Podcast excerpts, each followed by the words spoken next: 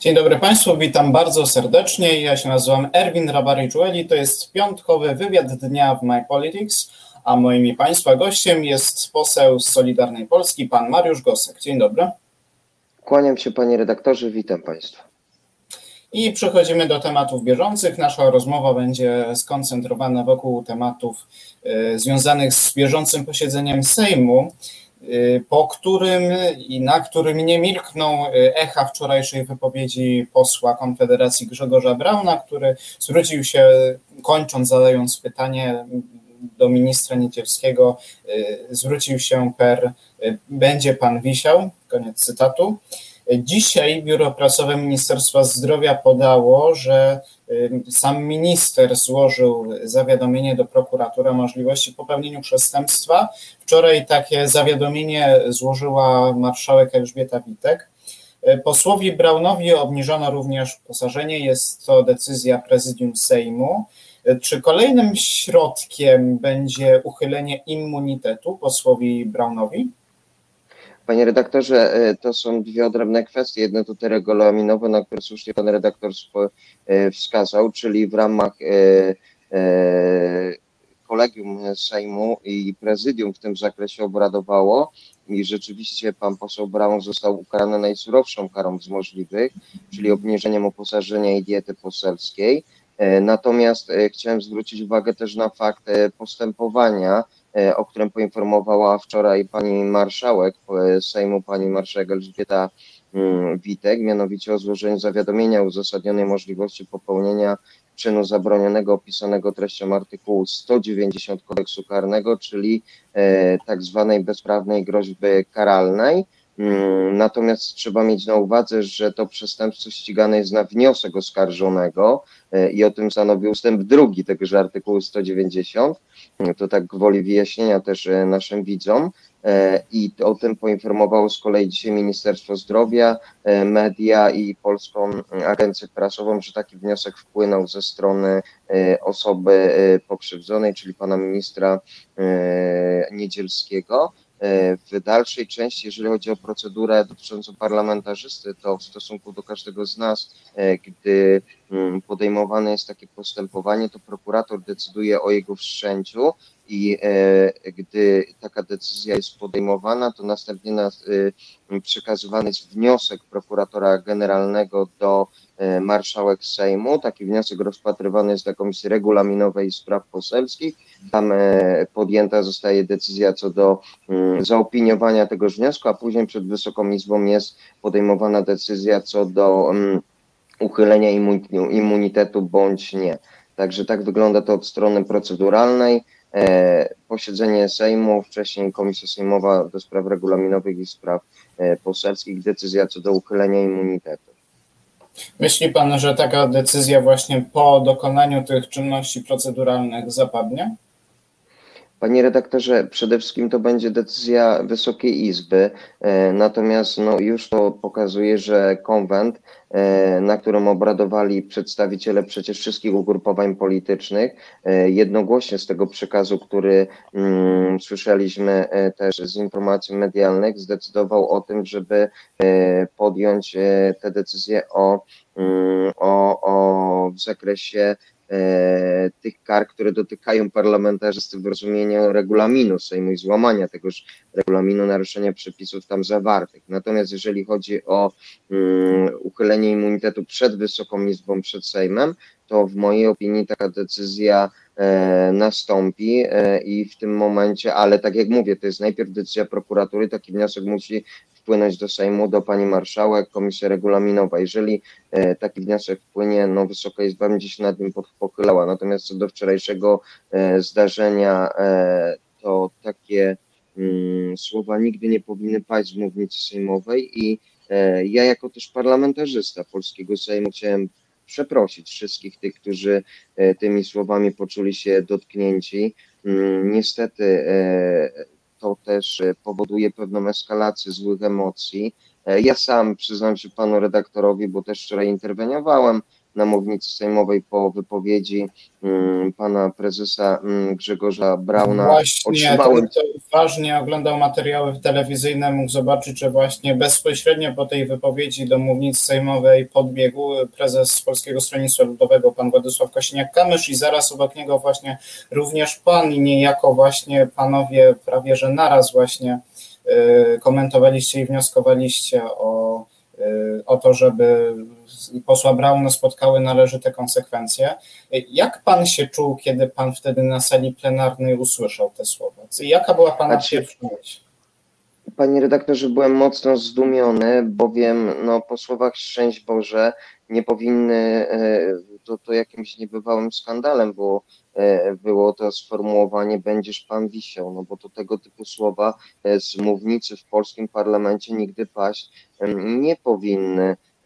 I z tego też powodu czułem taką powinność, żeby jednak zareagować na te słowa, ale też dziękuję parlamentarzystom E, opozycji, w tym przypadku też Polskiego Stronnictwa Ludowego, tak jak pan słusznie wskazał panu posłowi Kosiniakowi Kamyszowi, który podjął natychmiastową reakcję, bo e, to prawda, panie redaktorze, my możemy się różnić, możemy się nie zgadzać w wielu kwestiach, ale no, są pewne elementarne zasady, których przede wszystkim my e, jako parlamentarzyści jesteśmy zobowiązani przestrzegać, bo jeżeli my ich nie będziemy przestrzegać, to jakiż my przykład dajemy społeczeństwu? No, są pewne granice, normy mm, społeczne, ale także i te E, dotyczące zachowań e, e, w Sejmie tutaj, które nie powinny być przekraczane. W mojej opinii, odczuciu te, to, to, to, to, to było zachowanie, no, które nie powinno mieć, absolutnie nie powinno mieć miejsca. To bez dwóch zdań, z tym bardziej, że panie redaktorze, proszę zwrócić uwagę na jakie emocje są przed Sejmem. I powiem panu rzecz najważniejszą, że my, czy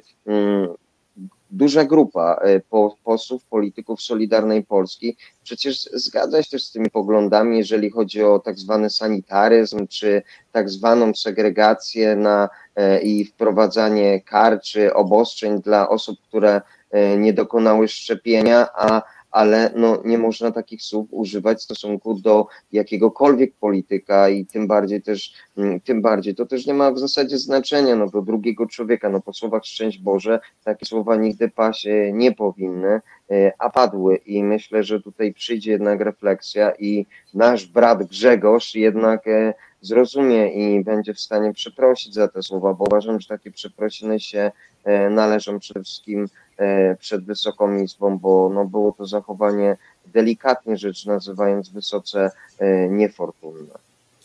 Pan wcześniej wspomniał o tym, że właśnie te zachowania w Sejmie dają przykład całemu społeczeństwu. E, nie ma pan takiego wrażenia, że choć takie słowa oczywiście wszyscy się zgadzamy co do tego, że nie powinny paść, mogły być wyrażeniem emocji części społeczeństwa, czy to części przedsiębiorców bardzo poszkodowanych przez pandemię, którzy stracili dorobki życia, którzy, którym załamała się sytuacja finansowa, y, którzy nie, co niektórzy ludzie popełniali y, samobójstwa, nie mogąc, radząc sobie z pandemią, ich rodziny to odczuwały. I można odnieść wrażenie, że choć te słowa posła Brauna oczywiście nieakceptowalne, to jednak wyrażały to, co część społeczeństwa może w stosunku do rządu myśleć. I teraz pojawia się pytanie, jak wytłumaczyć właśnie y, tym naszym polskim obywatelom, y, że takich emocji, takich słów bez względu na wszystko nie wolno stosować. Jak uzdrowić sytuację tej polskiej debaty publicznej? Myśleliśmy, że y, nie można się jeszcze do, bardziej do takich rzeczy, jakich usłyszeliśmy, y, po, ponieść. Y, no a jednak byliśmy świadkami wczoraj takich słów, jakie padły. Co to nam mówi o stanie polskiej debaty publicznej? No właśnie, panie redaktorze, i słuszne zagadnienie pan poruszył i, i treściwe, właściwe, jak najbardziej y, konkretne pytanie. I powiem panu, że wiele dyskusji i tak kuluarów trochę ujawnie toczyło się e, po tym zdarzeniu między politykami, posłami różnych ugrupowań. Rozmawialiśmy e, między sobą i ta refleksja, która przyszła, to jednak ona jest pocieszająca, że wszyscy zgodnie stwierdzili, że to było jednak przekroczenie tej granicy. Ja rozumiem e, te osoby, które poprzez pandemię koronawirusa, światową pandemię, która dotknęła niestety gospodarki całego świata, również Polski nie ominęła w tym trudnym czasie, spowodowała, że przedsiębiorcy bardzo mocno zostali nią dotknięci. To prawda, ta pandemia doprowadziła też do wielu ludzkich tragedii. Sam prowadząc e, biuro porad prawnych przy moim biurze e, poselskim z wieloma z przedsiębiorców rozmawiałem, pomagałem, staraliśmy się też wprowadzać czy też przekazywać pewne e, zmienne, o których informowali mi przedsiębiorcy w ramach ich ewentualnego wdrożenia w tak zwane tarcze antykryzysowe, które wtedy na, przed Wysokim Sejmem E, uchwalaliśmy. Ja rozumiem dramat i tragedię tych przedsiębiorców i naprawdę e, tutaj e, w zupełności rozumiem też te emocje przed Sejmem. Ja powiem panu redaktorowi, że ja nie boję się rozmowy. Wspólnie z posłem Tadeuszem Cymańskim rozmawialiśmy. My spędziliśmy tam ponad dwie godziny między tymi przedsiębiorcami właśnie. Rozmawialiśmy o tych pojedynczych ludzkich dramatach, wsłuchiwaliśmy się w te historie i naprawdę jesteśmy z nimi e, jako parlamentarzyści w to ramach pan dostępnych mówi, środków. że państwo się nie boicie rozmów, rozmawialiście z parlament, e, z, przepraszam, przedsiębiorcami, że ta rozmowa jest ważna, żeby uzdrowić sytuację w polskiej polskiej debacie publicznej. No jednak przykład idzie z góry, a przykład przed kancelarii premiera z soboty, y, gdzie na początku y, protestujący medycy zostali zatrzymani kilkadziesiąt metrów przed y, samym budynkiem kancelarii premiera, nie mogąc dojść w ogóle przed sam budynek, dosłownie przed wejściem. Wie pan, z jednej strony oczywiście to jest ważne i, i chyba bardzo się chwali, że pan, panowie z posłem Cymańskim rozmawialiście, a z drugiej strony patrząc na obecną sytuację strajku medyków, gdzie y, nie ma zgody na to ministra Niedzielskiego, aby do rozmów również dołączył premier. Premier nie, nie wiemy, czy nie chce znaleźć czasu, czy dlaczego nie chce również do, tych, do tego stołu z protestującymi usiąść. Wie pan, potrzeba chyba byłoby przykładu, przykładu również y, gremiów rządowych tej rozmowy, czyż nie? Panie, panie redaktorze, problem jest dużo głębszy i E, powiem tak, e, pierwsza ta formuła spotkania to też był postulat ze strony e, protestujących, żeby spotkać się z premierem, z prezesem Rady Ministrów, a nie z ministrem w tym zakresie, z ministrem zdrowia. Natomiast no, koncepcja była taka, żeby w pierwszej kolejności jednak to spotkanie odbyło się z ministrem zdrowia. No, trzeba mieć też na uwadze, że również minister finansów w mojej subiektywnej opinii powinien w takich rozmowach uczestniczyć, bowiem te postulaty, które są przedłożone, jeżeli chodzi o mm, medyków, e, to jest e, ich wysokość i zwiększenie o kwotę ponad o kwotę 100 miliardów e, złotych. To proszę sobie wyobrazić, jak to jest duża suma, jeżeli weźmiemy pod uwagę, że mm, budżet Polski po stronie dochodów to są 404 miliardy złotych, a Dodatkowo jest też postulat, żeby jeszcze w tym roku w służbę zdrowia dodatkowo zostało w, e, dysponowanych 25 miliardów złotych. Panie redaktorze, my staramy się zmieniać tą rzeczywistość. Przecież e, zwiększone, zwiększone są stopniowo nakłady na służbę zdrowia do 6% obecnie. Polski Ład zakłada zwiększenie tych mm, nakładów do 7%, a jak e, zerknie pan redaktor na te liczby i na te postulaty, no to by oznaczało, żeby zwiększyć budżet i nakłady na służbę zdrowia e, powyżej 10%. No po prostu e, musimy sobie powiedzieć odpowiedzialnie i ja wiem, że to może nie będą popularne słowa, pewnie stracę na tym wśród medyków, a mam wielu przyjaciół i ratowników medycznych, i lekarzy, i panie pielęgniarki, i panów pielęgniarzy, ale no niestety niektóre z tych postulatów nie są do spełnienia, aczkolwiek nad wieloma z nich trzeba się mm, pochylić. Ja powiem panu redaktorowi, że właśnie z Tadeuszem Cymańskim wspomnianym też rozmawialiśmy e, z tym gronem i Tadeusz Cymański powiedział takie bardzo dobre zdanie, że kompromis ma to do siebie, że obydwie strony wychodzą niezadowolone i problem polega na tym i cały jak gdyby istota, żeby e, jednak te strony, które wyjdą niezadowolone, gdzieś tam ten środek znalazły. No, e, aż tak wysokich nakładów nie jesteśmy w stanie w obecnej sytuacji i przy obecnym budżecie i tym wszystkim, co odbywa się wokół tego. Widzimy też pakiet energetyczno-klimatyczny, szereg też mnóstwo zdarzeń, no długo by o tym opowiadać, jeżeli chodzi o polską, o polską e, gospodarkę, ale trzeba być odpowiedzialnym i uczciwym i szczerze mówić, bo ci medycy kiedyś nas z tego rozliczą i mają do tego prawo, mówię, rozliczą sensie wyborczym, przed urnami, tam nas rozliczą, panie redaktorze. I o tym rozliczeniu i problemach służby zdrowia można by jeszcze dużo mówić, ponieważ pan się Prawda. będzie śpieszył na głosowania. Przejdźmy do następnych tematów. Dzisiaj mamy ostatni dzień posiedzenia Sejmu w porządku obrad głosowania, które przed panem. E, też procedowano pierwsze ustawy właśnie Polskiego Ładu, w tym zwiększenie kwoty wolnej od podatku do 30 tysięcy złotych. Pomysł ten nie jest nowy w polskiej polityce. Pytanie, dlaczego dopiero teraz jest decyzja, aby go tak naprawdę wprowadzić, choć istniał w polityce polskiej od kilku lat. To prawda, on istnieje od kilku lat i jako żywo zawsze podatki budzą emocje i E, I e, tutaj mamy do czynienia akurat z postulatem, e, który wreszcie wchodzi w życie. Tu pan redaktor ma rację, po wielu, wielu latach, a w, ostat, w ciągu ostatnich kilku bardzo głośno i bardzo długo i bardzo dużo i wiele ugrupowań, wszyscy o tym mówili, no a rząd Zjednoczonej Prawicy to wprowadza, czyli te 30 tysięcy zwolnione z podatku.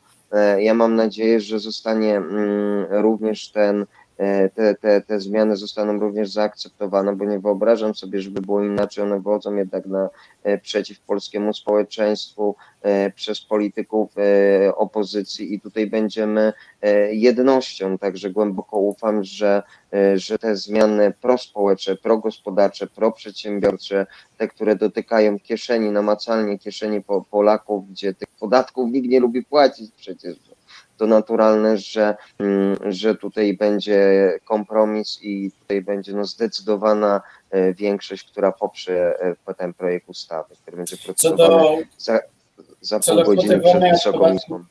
Pewnie tej większości się można bardziej spodziewać, chociaż e, drugi projekt podwyższający składkę zdrowotną pewnie budzi już na pewno większe kontrowersje. Czy uda się Wam na niego znaleźć większość? Znaczy, panie redaktorze, tak naprawdę zobaczymy. Ja uważam, że jest stabilna większość, jeżeli chodzi o ten projekt ustawy. E, aczkolwiek, tak jak mówię, poczekajmy. E, natomiast e, ufam, że wie pan, ja powiem panu redaktorowi jedną rzecz. My przy wielu z tych propozycji, także w ramach e, Polskiego Ładu, prowadzimy przecież dyskusje i wewnątrz Zjednoczonej Prawicy, ale musimy pamiętać, że liderzy Zjednoczonej Prawicy wspólnie, razem, e, podczas specjalnie zwołanej konwencji kongresu podpisali, sygnowali mm, Polski Ład. Wtedy to nawet jeszcze premier Gowin przecież też sygnował ten Polski Ład. No później wiadomo, jak sytuacja się potoczyła. Pan premier Gowin już dzisiaj jest e, poza obozem rządzącym i poza Zjednoczoną e, Prawicą. Dołączyli Republikanie. Ta polityka rzeczywiście bywa dynamiczna, natomiast według tych kalkulacji i tych informacji, które e, ja posiadam, nie powinno być problemu z przegłosowaniem tegoż projektu w zakresie, którego Pan pyta. Jak to będzie, zobaczymy. Przed nami głosowania. Kończąc naszą rozmowę, dzisiaj jest 17 września, rocznica sowieckiej agresji e, na Polskę podczas e, wojny obrony w 1939 roku. Czy Polska należycie oddaje dzisiaj hołd tym bohaterom i jak to dzisiaj w Sejmie wyglądają te obchody tej rocznicy? Panie, redaktor, panie redaktorze, przede wszystkim wszyscy musimy pamiętać o tych wielkich bohaterach tamtych dni, którzy przelewali krew za to, żebyśmy mogli żyć dzisiaj w wolnym, demokratycznym, niepodległym kraju. I ta suwerenność nie jest dana raz na zawsze i musimy e, zawsze o tym pamiętać, że tą prawdę historyczną e, należy pielęgnować, o nią dbać i nigdy nie możemy zapominać. 17 e, września to jest ten dzień właśnie, kiedy dotknęło Polskie to jarzmo radzieckie, gdzie z jednej strony już Polska była zaatakowana przez najeźdźcę hitlerowskiego z, zachodnie, z zachodniej granicy. 17 września atak e, Związku Radzieckiego na e, Polskę. Były to czasy bardzo złe, gdzie e, Polacy walczyli o suwerenność, o niepodległość. I mam nadzieję, panie redaktorze, że i cieszę się też, że, że pan redaktor o to pyta, że pan redaktor te, te chwile wspomina. W polskim parlamencie również uczciliśmy ten, ten, tą tragedię historyczną e, minutą ciszy, także w tym momencie e, ja głęboko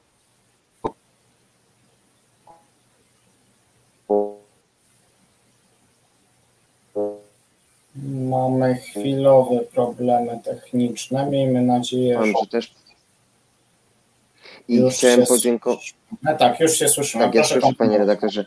I chciałem podziękować też, panie redaktorze, panu redaktorowi, redakcji My Politics i wszystkim państwu, dziennikarzom, którzy właśnie o tym e, dniu 17 września pamiętacie i e, informujecie, przekazujecie, bo ta pamięć też dzięki mediom, dzięki tej czwartej władzy, niektórzy mówią, e, też jako żywo dociera do Polaków i, i serdecznie dziękuję też za to.